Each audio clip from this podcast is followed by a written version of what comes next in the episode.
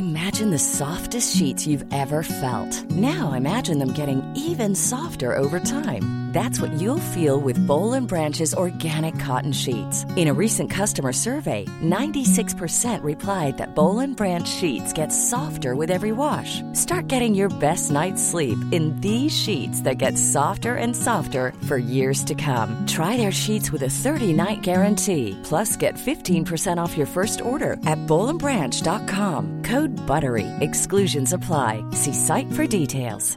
Ready to pop the question? The jewelers at BlueNile.com have got sparkle down to a science with beautiful lab-grown diamonds worthy of your most brilliant moments. Their lab-grown diamonds are independently graded and guaranteed identical to natural diamonds, and they're ready to ship to your door. Go to BlueNile.com and use promo code LISTEN to get $50 off your purchase of $500 or more. That's code LISTEN at BlueNile.com for $50 off. BlueNile.com code LISTEN. There's never been a faster or easier way to start your weight loss journey than with PlushCare. PlushCare accepts most insurance plans and gives you online access to board-certified physicians who can prescribe FDA-approved weight loss medications like Wigovi and Zepbound for those who qualify. Take charge of your health and speak with a board-certified physician about a weight loss plan that's right for you. Get started today at plushcare.com slash weight loss. That's plushcare.com slash weight loss. plushcare.com slash weightloss. Helt siden de første menneskene slo seg ned i Trøndelag, har det blitt observert underlige lys over Hessdalen. Fenomenet har blitt forsøkt bortforklart som syner sett av bygdetullinger og deliriske hallusinasjoner forårsaket av den lokale drikkekulturen. Men det skulle vise seg at fenomenet stakk langt dypere når Hessdalen-fenomenet fikk verdensomspennende oppmerksomhet i ufo-miljøet på 1980-tallet. Fenomenet er fremdeles der, og det er fremdeles like uforklarlig som den gang. I 2024 kommer en podkastserie i seks deler produsert av Project Hessdalen, som kanskje en gang for alle skal finne svar på hva som rører seg på himmelen i denne bortgjemte dalen i Trøndelag. Serien har som seg hør og bør fått tittelen A Blaze in the Northern Sky, og den kommer til din favorittpodkastavspiller i 2024. Det var kvelden den 30. oktober 1953 i Exartensteine i Tyskland. En kvinne kledd i tradisjonell indisk sari beveget seg lydløst blant eldgamle steinstrukturer. Hun lot hånden gli lengtende over steinene, som om hun forsøkte å få kontakt med de som en gang reiste de, som om hun forsøkte å snakke med de tause megalittene. Hun gikk ned til innsjøen, hvor en stein var hullet ut til et gravkammer som lignet en sarkofag.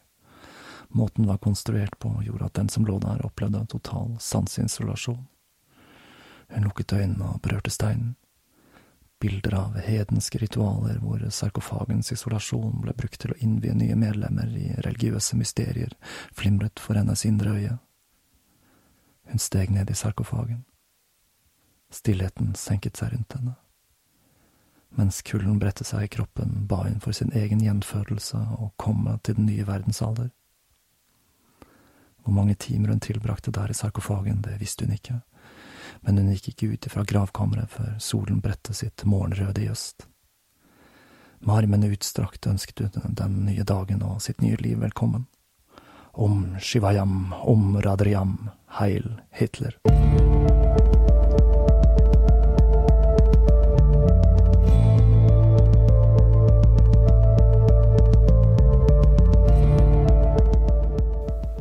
Hei og velkommen til Tåkeprat. Jeg heter Even, og når jeg tar opp denne episode 72, så er det fredag den 10. august 2018. Og da var vi endelig i gang igjen, etter den lengste pausen jeg har hatt siden jeg startet med tåkeprat. Denne sommeren har vært ekstremt merkelig og full av overraskelser for meg, ikke minst på grunn av den velformulerte anmeldelsen til Thomas Seltzer i NRK sin artikkel 50 podcast-tips fra NRK. Jeg har jobbet det meste av sommeren, i en sommerjobb der jeg har hatt muligheten til å høre lydbøker, slik at jeg har kunnet presse inn mest mulig informasjon for å forberede meg til høstens episoder. En mandag morgen så satt jeg og drakk kaffe og skummet gjennom nettsidene til NRK, da jeg så artikkelen som var illustrert med en ung dame med hvite øreklokker, som tilsynelatende hører på en beroligende podkast der på gressplenen. Jeg klikket meg inn på artikkelen uten å ha de helt store forhåpningene om at Tåkeprat skulle være på den listen, og jeg sa kaffen i halsen da Tåkeprat dukket opp, midt blant alle NRKs egne podcaster. Etter å ha kommet meg over sjokket, så dro jeg fram topplisten til iTunes, hvor jeg da til min forskrekkelse så at jeg lå på førsteplass i Norge. En plass jeg utrolig nok holdt i hele fire dager. Denne eksponeringen førte til at lyttertallene mine eksploderte, og fremdeles fortsetter å stige. Det eneste som bekymrer meg litt, er at denne siste episoden før sommeren, og den som de fleste ser ut til å høre først, det er historien om Sylvia Likens. Jo da, det er riktignok mye tortur og drap her i Tåkeprat, men den fortellingen er så ekstremt brutal og fullstendig uten lyspunkter at jeg undres over hvor mange som nå tror at Tåkeprat er en slags torturporno på norsk. Men sett fra en annen side, så er de som kom seg gjennom den ildprøven, har fortsatt å høre på, klare for den berg-og-dal-banen av historiefortelling som Tåkeprat har utviklet seg til å bli. Så jeg vil ønske alle dere nye lyttere velkommen til eh, Tåkeprat. Det er en glede å vite at det er så mange nye ører som tar del i den reisen som er Tåkeprat denne høsten. Og så var det været, da. For i tillegg til tortur, så er jo Tåkeprat også kjent for sine treffsikre vær- og flomvarsler. Sommeren i år, den har vært ekstrem, og selv om våre kjære tabloider ofte framstiller ekstremvarmen som noe positivt, så skjærer det meg i hjertet når jeg ser konsekvensen av tørken for naturen, for landbruket og vår nasjonale matproduksjon, for ikke å snakke om vannmangel og skogbranner. Det er vanskelig å ikke tenke på at uh, små endringer i klimaet kan forårsake katastrofale omveltninger i hverdagen vår.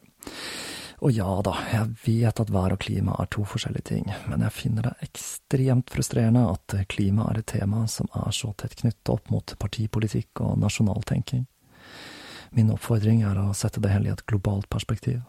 Moder Jord bryr seg fint lite om kunstig konstruerte landegrenser, eller om hvilket parti som blir valgt inn ved neste stortingsvalg. Vi befinner oss på en planet med et skjørt økosystem, og da kan det kanskje være på sin plass å trå litt varsomt og høre på forskere som faktisk studerer emnet, framfor å ture på med innlært retorikk og fortsatt oppføre oss som om jorda er vår egen personlige lekegrind. Og dyp økologi og artssentrisk globalisme er sentrale tema i den serien jeg nå skal begynne på. Okkult nazisme er et tema jeg til stadighet får spørsmål om å ta opp her i Tåkeprat, men jeg har frem til nå slitt litt med å finne et passende fokuspunkt. Dette er et eh, forholdsvis stort tema, og svært ofte så er det langt mindre spennende enn det virker på overflaten. Jo da, det finnes en del artig tematikk her, som for eksempel konspirasjonen om hemmelig nazi-ufo-baser under Sydpolen, hvor Hitler etter sigende skulle ha flyktet etter fallet til Det tredje riket. Men svært ofte så skal man ikke grave så fryktelig dypt i tematikken for det hele bunner ut i banal rasetenking. Damen jeg nå skal ta for meg, skiller seg ut litt i så henseende. Savitri Devi forfektet en form for arisk dyp økologi og hitlerisme basert på hinduisme, og er på mange måter bindeleddet mellom New Age, okkultisme, miljøbevegelsen og nynazisme.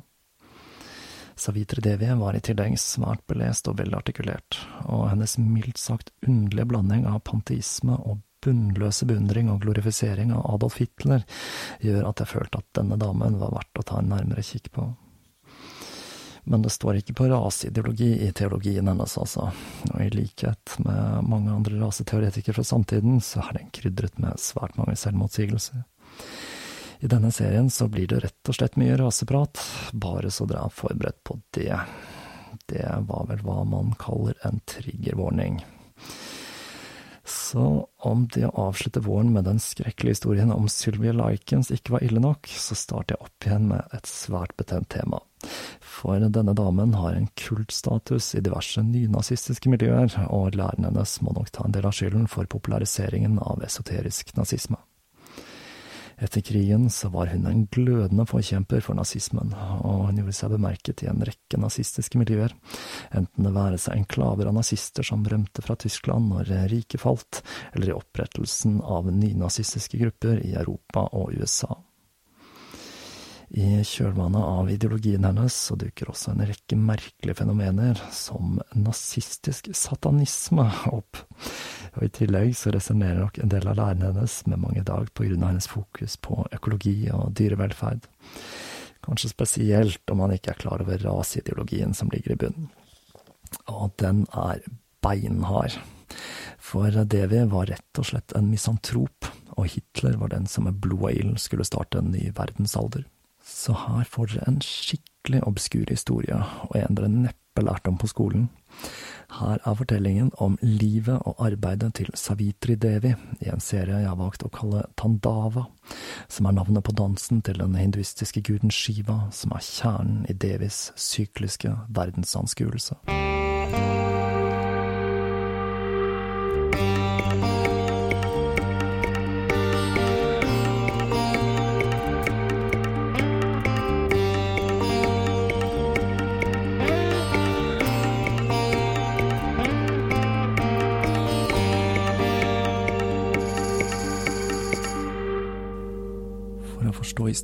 Savitri Devi, så er det viktig å forstå hvor ideen og myten om den ariske rase kommer fra. Gjennom middelalderen og renessansen så antok man at mennesket stammet fra Adam og Eva i Edens hage, og det regjerende synet på raser var noe sånn som at menneskene enten var semitter, altså jøder og arabere, eller hamitter, egyptere og nordafrikanere, eller jafitter som europeere men med oppdagelsen av den nye verden og urbefolkningen på det nye kontinentet, så begynte man å stille spørsmålstegn ved disse gamle forestillingene. Flere, inkludert Voltaire og Kant, pekte ut India som et mulig opprinnelsessted for den vestlige sivilisasjon, kunst og vitenskap men den sterkeste pådriveren for et indisk opphav til menneskeheten var Johan Gottfried Herder, som i sitt verk Ideen sur filosofie der Gesichtiche der Menschheit gikk kraftig ut mot ideen om at menneskeheten hadde et nokaisk, da etter Noah med båten altså, eller jødisk opphav, og han priste da braminene, altså prestene i India, for deres evne til å spre kunnskap og vitenskap i befolkningen. Ideen om et indisk opphav til europeere ble ytterligere forsterket av lingvister da den irske akademikeren James Parsons oppdaget likheter mellom de eurasiske språkene og publiserte funnene sine i 1767, et funn som ble ytterligere utbrodert av sir William Jones. Han var grunnleggeren av The Royal Asiatic Society, og han hadde lagt merke til likheter mellom sanskrit, gresk og latin, og i 1786 erklærte han at sanskrit, gresk, latin og gotiske og keltiske språk hadde det samme opphav. Han bemerket også at det var en rekke likhetstrekk i den indiske mytologien med den man fant i Europa. Tråden ble plukket opp av flere, som Fredrich Schlegel, som blant annet hevdet at den egyptiske sivilisasjonen var et resultat av misjonærer fra India, og hans bror August Wilhelm Schlegel, som i et essay om det indiske språket i 1808 malte et bilde av et herrefolk fra Nord-India som koloniserte Vesten. Dette folket skulle da ha fått ideen om å sivilisere Vesten av en oversanselig idé om den høye nobiliteten og prakten i nord. Det var voldsomme saker, dette her, med andre ord. Kronen på verket, det var når Slegel ga dette herrefolket betegnelsen ariere, og dette er da et ord som stammer fra arioi, som er et tidlig navn på persere, og det tyske ere, altså ære. Arierne var altså menneskehetens aristokrati og kronen på skaperverket. De var rett og slett det ærefulle folket. Schlegel han var verken antisemitt eller tysk nasjonalist, men frøet til hva som skulle utvikle seg til å bli troen på det ariske folks overlegenhet, det var sådd. Det var lærlingen og protesjeet til Schlegel, Christian Lassen, som først begynte å lufte ideen om en biologisk iboende forskjell mellom ariere og semitter godt hjulpet av ideene til den ikke helt ukjente komponisten og glødende antisemitten Richard Wagner. Ideen om den ariske rase var godt etablert i den andre halvdelen av 1800-tallet, og med framveksten til ymse okkulte bevegelser samt oppdagelsen av svastika i flere europeiske utgravinger, som da i Troja på midten av 1870-tallet, så fant man enda flere bindeledd mellom den europeiske og vediske kulturen.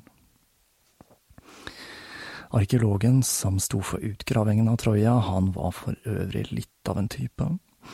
Han var en tysker, Heinrich Schliemann, og etter å ha da funnet et lass med gull, sølv og bronse under utgravingene, så bosatte han seg i Aten med sin vakre greske kone Sofia, og huset deres var midtpunktet i en rekke storslagne fester for Atens sosiale elite.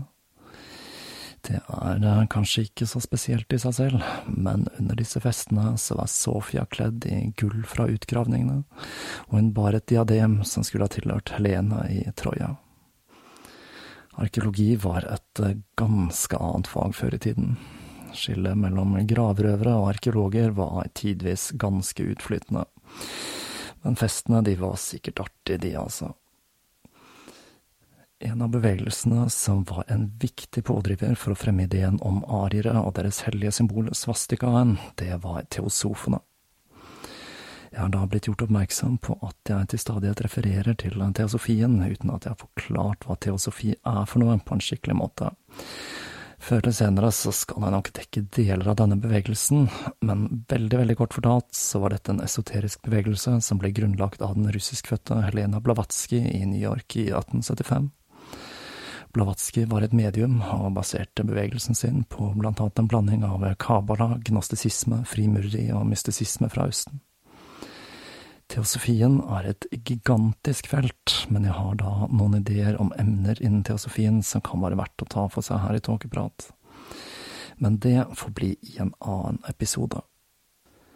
Den okkulte ballen rullet videre. I Tyskland, med sine folkeokkulte bevegelser, så snudde man det hele på hodet, og man kom fram til at arierne slett ikke kom fra Asia og vandret nordover, men det ariske, lyse, blåøyde herrefolket kom da fra det forjette landet Thule, eller Hyperborea, som også er kjent fra Robert E. Howards univers og Konans verden. Et klart bevis på dette var ifølge disse bevegelsene at brahminene i India, altså prestekasten, var lysere i huden enn de lavere kastene, noe som da indikerte at de var beslektet med det ariske herrefolket fra nord, men da som en utvannet rase. Og dette er i et nøtteskall hva mange av disse okkulte bevegelsene som skulle inspirere nazistene, baserte seg på, og hvorfor det ofte kan bli litt platt og kjedelig når man begynner å grave men så snublet jeg over damen denne serien skal dreie seg om, og hun var virkelig noe for seg selv. Maximiani Portas ble født den 30. september 1905 i Lyon i Frankrike. Navnet Savitri Devi er et hun skulle ta senere, og jeg bruker navnet Maximiani fram til punktet i historien der hun skifter navn. Moren hennes Julia var fra Cornwall i England, og faren var en blanding av gresk og italiensk, som da hadde fått fransk statsborgerskap. Han var svært aktiv i det greske miljøet i Lyon, og dette førte til at Maximiani vokste opp med en sterk gresk identitet. Som barn var Maximiani ekstremt viljesterk, eller hva da mine foreldre ville kalt oppstandasi og hun utviklet tidlig en avsky for England og det britiske da hun fant sine mors venner utrolig kjedelige med sin prat om etikette. Likeledes så fant hun de franske idealene om likhet, frihet og brorskap artssentriske. Maximiani var nemlig fra svært ung alder ekstremt opptatt av dyrevelferd. Hun forlangte at moren skulle lage vegetarmat til henne, og hun var en arg motstander av ting som dyr på sirkus, dyreforsøk og pelsdyroppdrett noe som vel må sies å være ganske spesielt av en liten jente på tidlig 1900-tall. Den enorme respekten for dyr og avsky for mennesker er en som skulle være med å forme verdensbildet hennes i årene som kom. I tenårene oppdaget hun den franske poeten Charles Le Conte de Lis, som hadde en sterk påvirkning på jenta. Det var spesielt hans forakt for kristendommen og lengsel etter opprinnelige som han søkte i de gamle egypterne, i de skandinaviske folkene, i kelterne og hinduistene som fengslet og fascinerte den unge Maximiani. Forakten hennes for England og Frankrike ble ytterligere forsterket under den første verdenskrig, da Hellas sin rolle i krigen førte til en nasjonal konflikt mellom kongen Konstantin, som ønsket nøytralitet, og statsministeren Venizelos, som støttet England og de allierte. Denne konflikten toppet seg når England og Frankrike innførte en blokade mot greske provinser som var pro-tyske, for å tvinge fram en endring i det greske styret. Kong Konstantin gikk til slutt av, og statsminister Venizelos innførte sitt nye pro-engelske styre i juni 1917.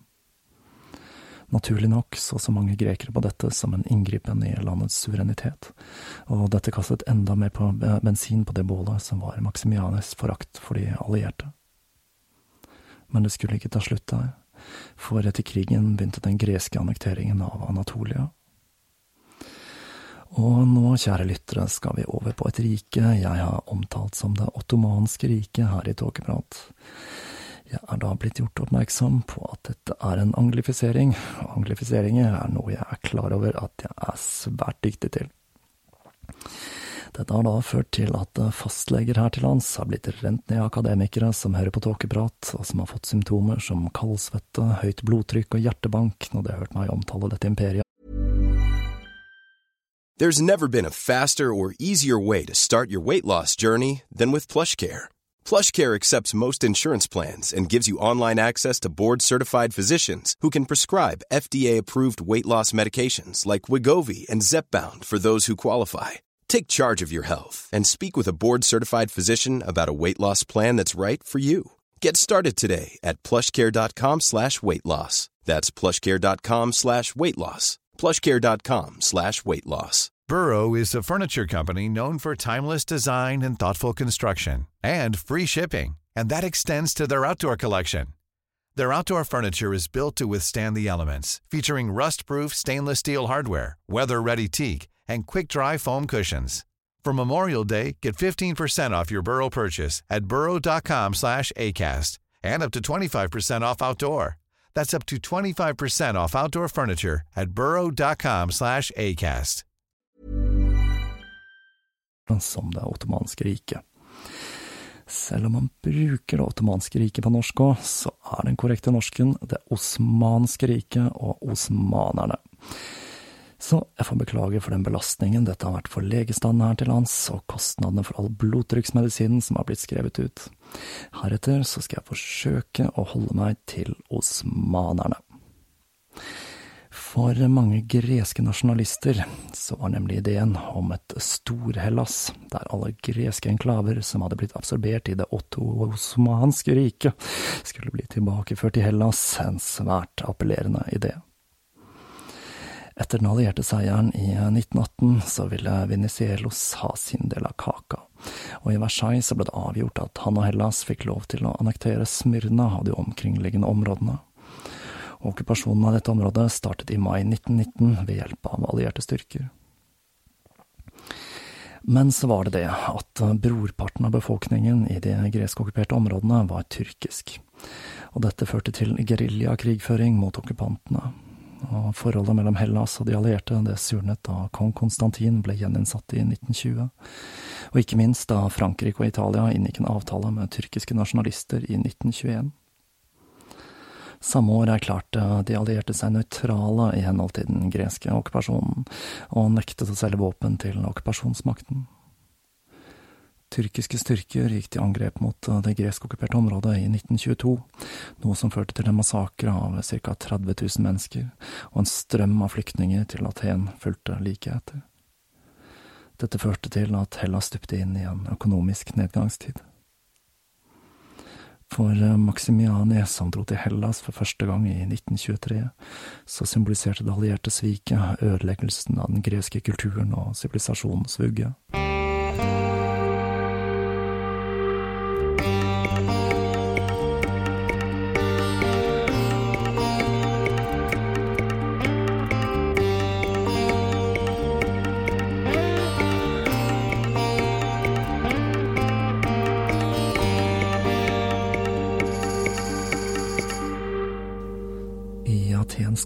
Så hun hvordan kulturen hun identifiserte seg så sterkt med, var i knestående. Hun vandret gatelangs og beundret ruinene fra den greske oldtiden i det varme sollyset der ved det surblå Middelhavet, mens hun følte det historiske suset og reflekterte over filosofien og religionen i oldtidens Hellas. Religionen ble kanskje ikke praktisert lenger, men historiene var ikke glemt, og det som ikke er dødt, kan vekkes til liv igjen. Den 9. november 1923 tilbrakte hun i ruinen av Akropolis. Den samme dagen kuppforsøket, det såkalte ølkjellerkuppet til Adolf Hitler og hans følgere ble slått ned, noe som førte til at Hitler ble fengslet og skrev Mein Kampf. Når nyheten om Hitlers arrestasjon nådde Aten, havnet Maximiani i en oppglødd debatt med den franske bestyrerinnen som drev herberget hun bodde på.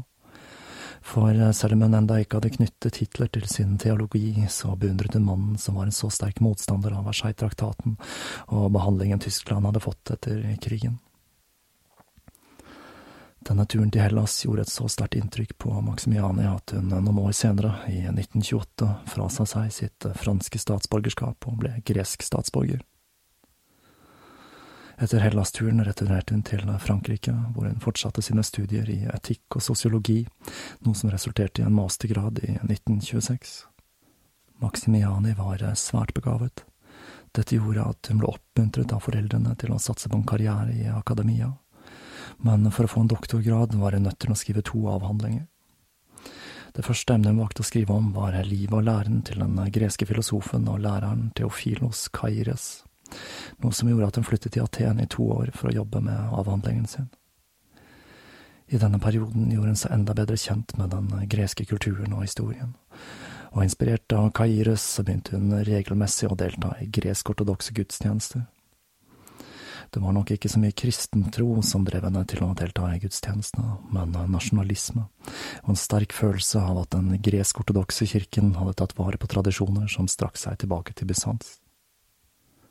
Kontakten med det gresk-ortodokse miljøet i Aten skulle føre til en reise som skulle være med på å forme Maximiani. I fasten 1929 bestemte hun seg nemlig for å bli med på en pilegrimsferd til Det hellige land, Jerusalem. Maximiani kjente sin bibelhistorie godt, og hun følte allerede en avsky for menneskesentrisk monetisme. Og så var det jødene for England hadde invadert Palestina i november 1917, og Folkeforbundet hadde gitt Storbritannia oppgaven med å etablere en jødisk nasjon i området, noe utenriksministeren i landet hadde forpliktet seg til i Balfour-deklarasjonen. Med Maximianis forhold til England så er det lett å tenke seg hvordan hun så på den situasjonen. Etter å ha reist gjennom Betlehem og Nasaret kom følget til Jerusalem, hvor de besøkte de ulike hellige stedene, som Jesu grav og Via Dolorosa men mens de ifølge hennes uttrykte beundring over det de så, så følte Maximiani noe annet. Hun følte avsky. De hellige stedene virket så underlige og fremmede for henne. For henne så symboliserte de overtagelsen av monotismen og fallet til den opprinnelige religionen. Og jødene, som skulle være Guds utvalgte folk, de virket fremmede og rare for henne i sine tradisjonelle habitter og med sine fremmede vaner og at deres gud skulle være den universelle guden for alle mennesker, var en latterlig tanke for Maximiani. Og det var da, midt i jødekvarterene i gamlebyen, at Maximiana Portas fikk det for seg at Adolf Hitlers retorikk mot jødene ikke var forbeholdt tyske nasjonalister, men at det dreide seg om noe mer, noe større. Frøet til hva som skulle bli hennes Hitler-dyrkelse og teologi, ble sådd i hjertet av den hellige byen. Når hun kom tilbake til Aten, forsøkte hun å sette sammen en nasjonalistisk, paganistisk religion basert på de gamle greske gudene, men eh, denne høstet liten suksess, da de aller fleste grekere var svært religiøse og hadde tette bånd til den gresk-ortodokse kirken. Så hun fortsatte arbeidet med oppgaven sin om Kaires før hun dro tilbake til Lyon i november 1929, hvor hun startet på den andre delen av doktoravhandlingen sin som da var om noe sånt som simplisitet i matematikk og naturvitenskap. For å kunne skrive om dette emnet, så trengte hun flere realfag, så hun studerte kjemi og mineralogi, og fullførte de studiene i 1931. Maximiani hadde i denne perioden fått tak i en tysk utgave av Mein Kampf, og Hitlers beskrivelse av dualismen mellom jøder og ariere gjorde dragningen hennes mot det opprinnelige ariske folket enda sterkere. Med farens død i 1932 så arvet hun en god slump med penger som muliggjorde en reise til det ariske folks hjemland, og med det satte Maximiani kursen mot India. Hun sa farvel til sin mor og sine venner før hun gikk om bord på passasjerskipet som var fullt av handelsreisende kolonister og misjonærer på vei til India og Sørøst-Asia. Overgangen fra det vestlige samfunnet til det mystiske Østen gjorde et sterkt inntrykk på den unge Maximiani, som fant en ny indre ro i sitt møte med den nye kulturen. Den virket ikke fremmed, tvert imot. Og hun fant det hun lette etter. I mai kom hun til øya Rameswaram, hvor en vårfestival til ære for Rama ble feiret da han ankom. Rama er hovedpersonen i det kjente hinduistiske eposet Ramayana og han er en av avatarene til Vishnu, noe som kommer til å ha en betydning for Maximianis teologi, og noe jeg kommer tilbake til senere. Rama er for øvrig navnet på hva jeg anser for å være en av de beste science fiction-bøkene som noen gang er skrevet, nemlig Rendezvous ved Rama av Arthur C. Clarke fra 1973. Om du liker science fiction og ikke har lest den, så er det bare å kaste seg over boka, som er så fantastisk skrevet og så tidløs at den kunne vært utgitt i år. Men tilbake til India og Rama-feiringen i 1932. Denne fargesprakende feiringen var en legemliggjørelse av slik hun hadde forestilt seg det opprinnelige ariske. Syv elefanter som ble ridd av mørkhudede unge menn, fulgte prosesjonen i fakkelbelysningen i den varme indiske kveldsluften, der Rama og hans hustru Sita var representert av to statuer. Den ekstatiske menneskemengden velsignet prosesjonen med jasmin og andre blomster. Men det som virkelig fenget Maximiani med det hele, var at de to statuene var lyse i huden. De lyshudede ble altså hedret som guder av de mørkhudede. Om du klarer å se bort ifra de åpenbare ting som skurrer med Maximianis verdensbilde, og klarer å sette deg inn i hvordan dette må ha vært for henne, så er det klart at det hele må ha vært utrolig sterkt. Hun var altså overbevist om at hun skulle finne spor av den ariske kulturen i India, og etter en lang og strabasiøs ferd, som vel må kunne kalles en slags religiøs søken eller pilegrimsferd, så kom hun da over en feiring og et ritual som for henne bekreftet at hun hadde funnet en del av den ariske religionen og kulturen som fremdeles var levende, akkurat sånn som hun hadde forestilt seg. Maximianis raseteori den skilte seg nok noe fra hva som var den gjeldende tankegangen i Tyskland på denne tiden, og dette er noe som går igjen i denne fortellingen. Ideen hennes var rett og slett en smule annerledes enn hva den gjengse nazisten syslet med, og det skinner litt igjennom at hun må ha hatt en voldsom personlighet, siden hennes teologi ble tatt inn i varmen av de brune elementene på den måten den senere skulle bli. Eller kanskje det er så banalt og så enkelt som at jødehat var nok for å bli akseptert i den klikken der, uansett hvor esoterisk og annerledes begrunnelsen var. Det er ikke så godt å si, men jeg sitter med følelsen av at dette var en dame som gjorde et meget sterkt inntrykk på de hun møtte. I tillegg til å være inspirert av den romantiske ideen om arierne som var gjeldende i Europa, så hentet hun en del tankegods fra bøkene til den indiske akademikeren og nasjonalisten Bal Gendhar Tilak. Han var en glødende forkjemper for indisk uavhengighet, i tillegg til å være en ihuga tilhenger av kastesystemet.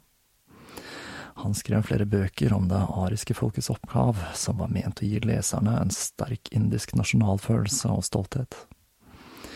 Tilaks bøker og tolkning av ariernes vandringer har enkelte likhetstrekk med folkekj-okkultistene og deres idé om Tule.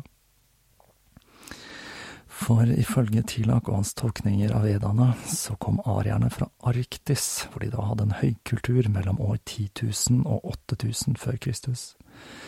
På grunn av istiden så hadde de måttet forlate sine hjem, og de migrerte sørover, hvor de lette etter nye steder å bosette seg. De var et eh, seminomadisk folk som verdsatte kyr svært høyt, derav de hellige kuene i India, altså. Og de var et krigersk folk som enkelt utraderte all motstand de møtte på sin utvandring fra Arktis. De var panteister, og religionen var svært sentral i livene deres. Man fant blant annet en rekke solguder som Mitra, Surya og Savitri. Det var også arierne som drakk den mystiske drikken soma, som til dags dato aldri har blitt identifisert, og neppe vil bli det, til tross for iherdige forsøk fra blant annet vår tåkepratvenn R. Gordon Wasson. Og ikke minst, det var arierne som tok med seg kastesystemet. De var nemlig svært nedlatende mot den innfødte befolkningen, og brukte begrepet daisus, som da betyr noe i retning av ape, om urbefolkningen i India. Ordet folk på kaste på sanskrit er for øvrig varna, det er et ord som faktisk betyr farge. og Maximiani så på det at braminkasten, som var i et mindretall i et så folkerikt land, fremdeles var lysere i huden enn resten av befolkningen etter 6000 år, som et tegn på at ariernes rasesegregeringssystem, det var veien å gå. Etter å ha vært i Ramesvaram reiste Maximiani videre nordover til Tirukirapali, hvor hun da så den grelle kontrasten mellom de vakre hindutemplene og et shabby kristent sykehus som var bygget like i nærheten. Hun bestemte seg der og da for at India var hennes nye hjem, og at hun skulle forsvare den hinduistiske tro mot kristendom og all monetistisk innflytelse.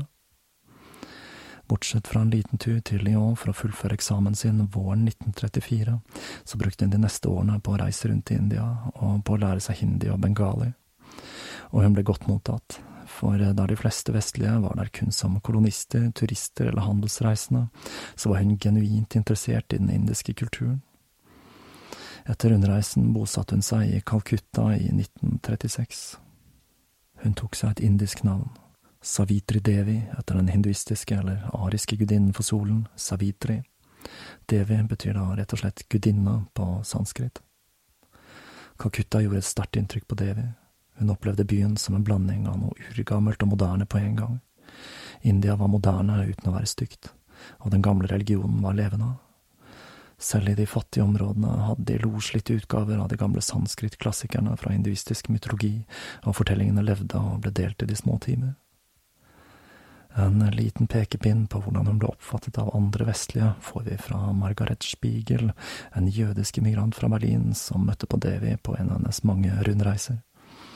Hun sa rett og slett at Devi var en verre nazist enn noen av de hun hadde truffet på i Det tredje riket, og det sier vel ikke så rent lite.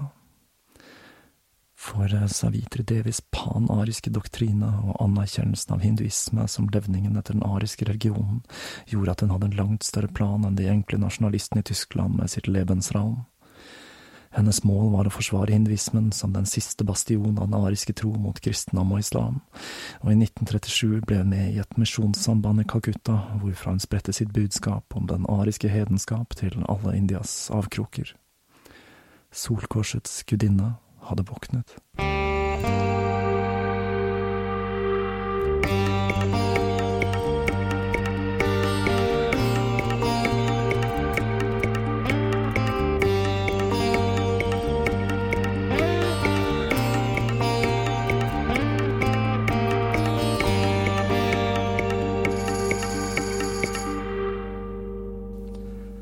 Og det var den første delen i historien om livet til Savitri Devi. Jeg klarer ikke helt å sette fingeren på hva som gjør denne damen så fryktelig fascinerende. Det er kanskje hennes spesielle personlighet og ideologien, som da er en salig blanding av økologi, dyrevelferd, panteisme, raseideologi og romantikk, som gjør Devi litt mer interessant enn mange av hennes meningsfeller i samtiden. Og verre skal det bli, altså, for når hun virkelig begynner å hamre teologien sin og begynner å vikle Hitler inn i det hele, så blir dette en merkelig og unik verdensanskuelse. Det er jo deler av historien som blir lettere å forstå når man kjenner til hennes livslange hat mot England, og kombinert med forestillingen om det ariske herrefolket og bruken av svastika i hinduismen, så er det kanskje ikke så rart at hun følte seg hjemme i India. Det er unektelig litt rart å sitte her og forklare raseideologi og børste støv av dette tankegodset som hører hjemme på historiens skraphaug. Men det er historiens skraphaug, ikke glem det, dette er historie. Vi må heller ikke glemme at mye av dette tankegodset var ekstremt utbredt og hadde en bred aksept i samtiden. Jeg får vel igjen minne om at Dyrehagen i Bronx hadde en pygme på utstilling på den tiden da vår autistiske forfatter HB Lovecraft skapte sine mørke guder, mens han selv forfektet antisemittisme og var gift med en jødisk dame. Verden er ikke alltid så enkel som vi liker å tro.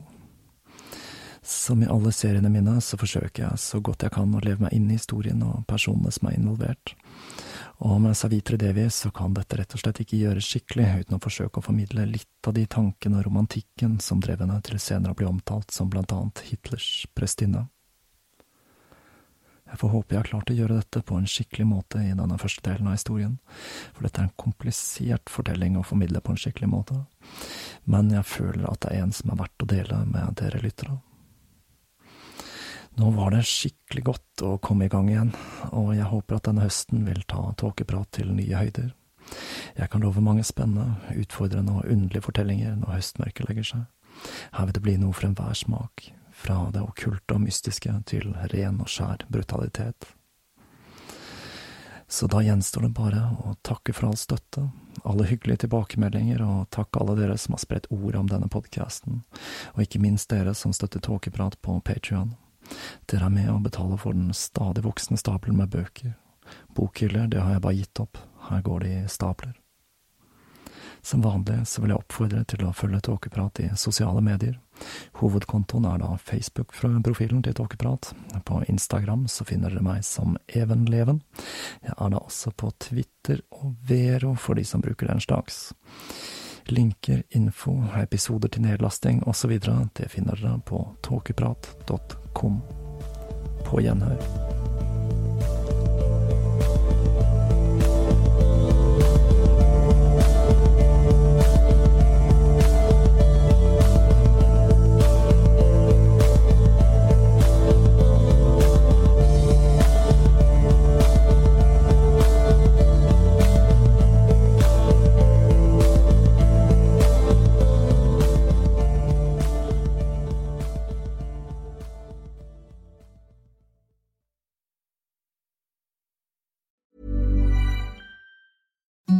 Imagine the softest sheets you've ever felt. Now imagine them getting even softer over time. That's what you'll feel with Bowl and Branch's organic cotton sheets. In a recent customer survey, 96% replied that Bowl and Branch sheets get softer with every wash. Start getting your best night's sleep in these sheets that get softer and softer for years to come. Try their sheets with a 30-night guarantee. Plus, get 15% off your first order at bowlandbranch.com. Code BUTTERY. Exclusions apply. See site for details.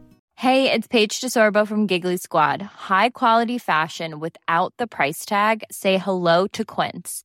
I'm snagging high-end essentials like cozy cashmere sweaters, sleek leather jackets, fine jewelry, and so much more. With Quince being 50 to 80% less than similar brands. And they partner with factories that prioritize safe, ethical, and responsible manufacturing. I love that. Luxury quality within reach. Go to quince.com slash style to get free shipping and 365 day returns on your next order. Quince.com slash style.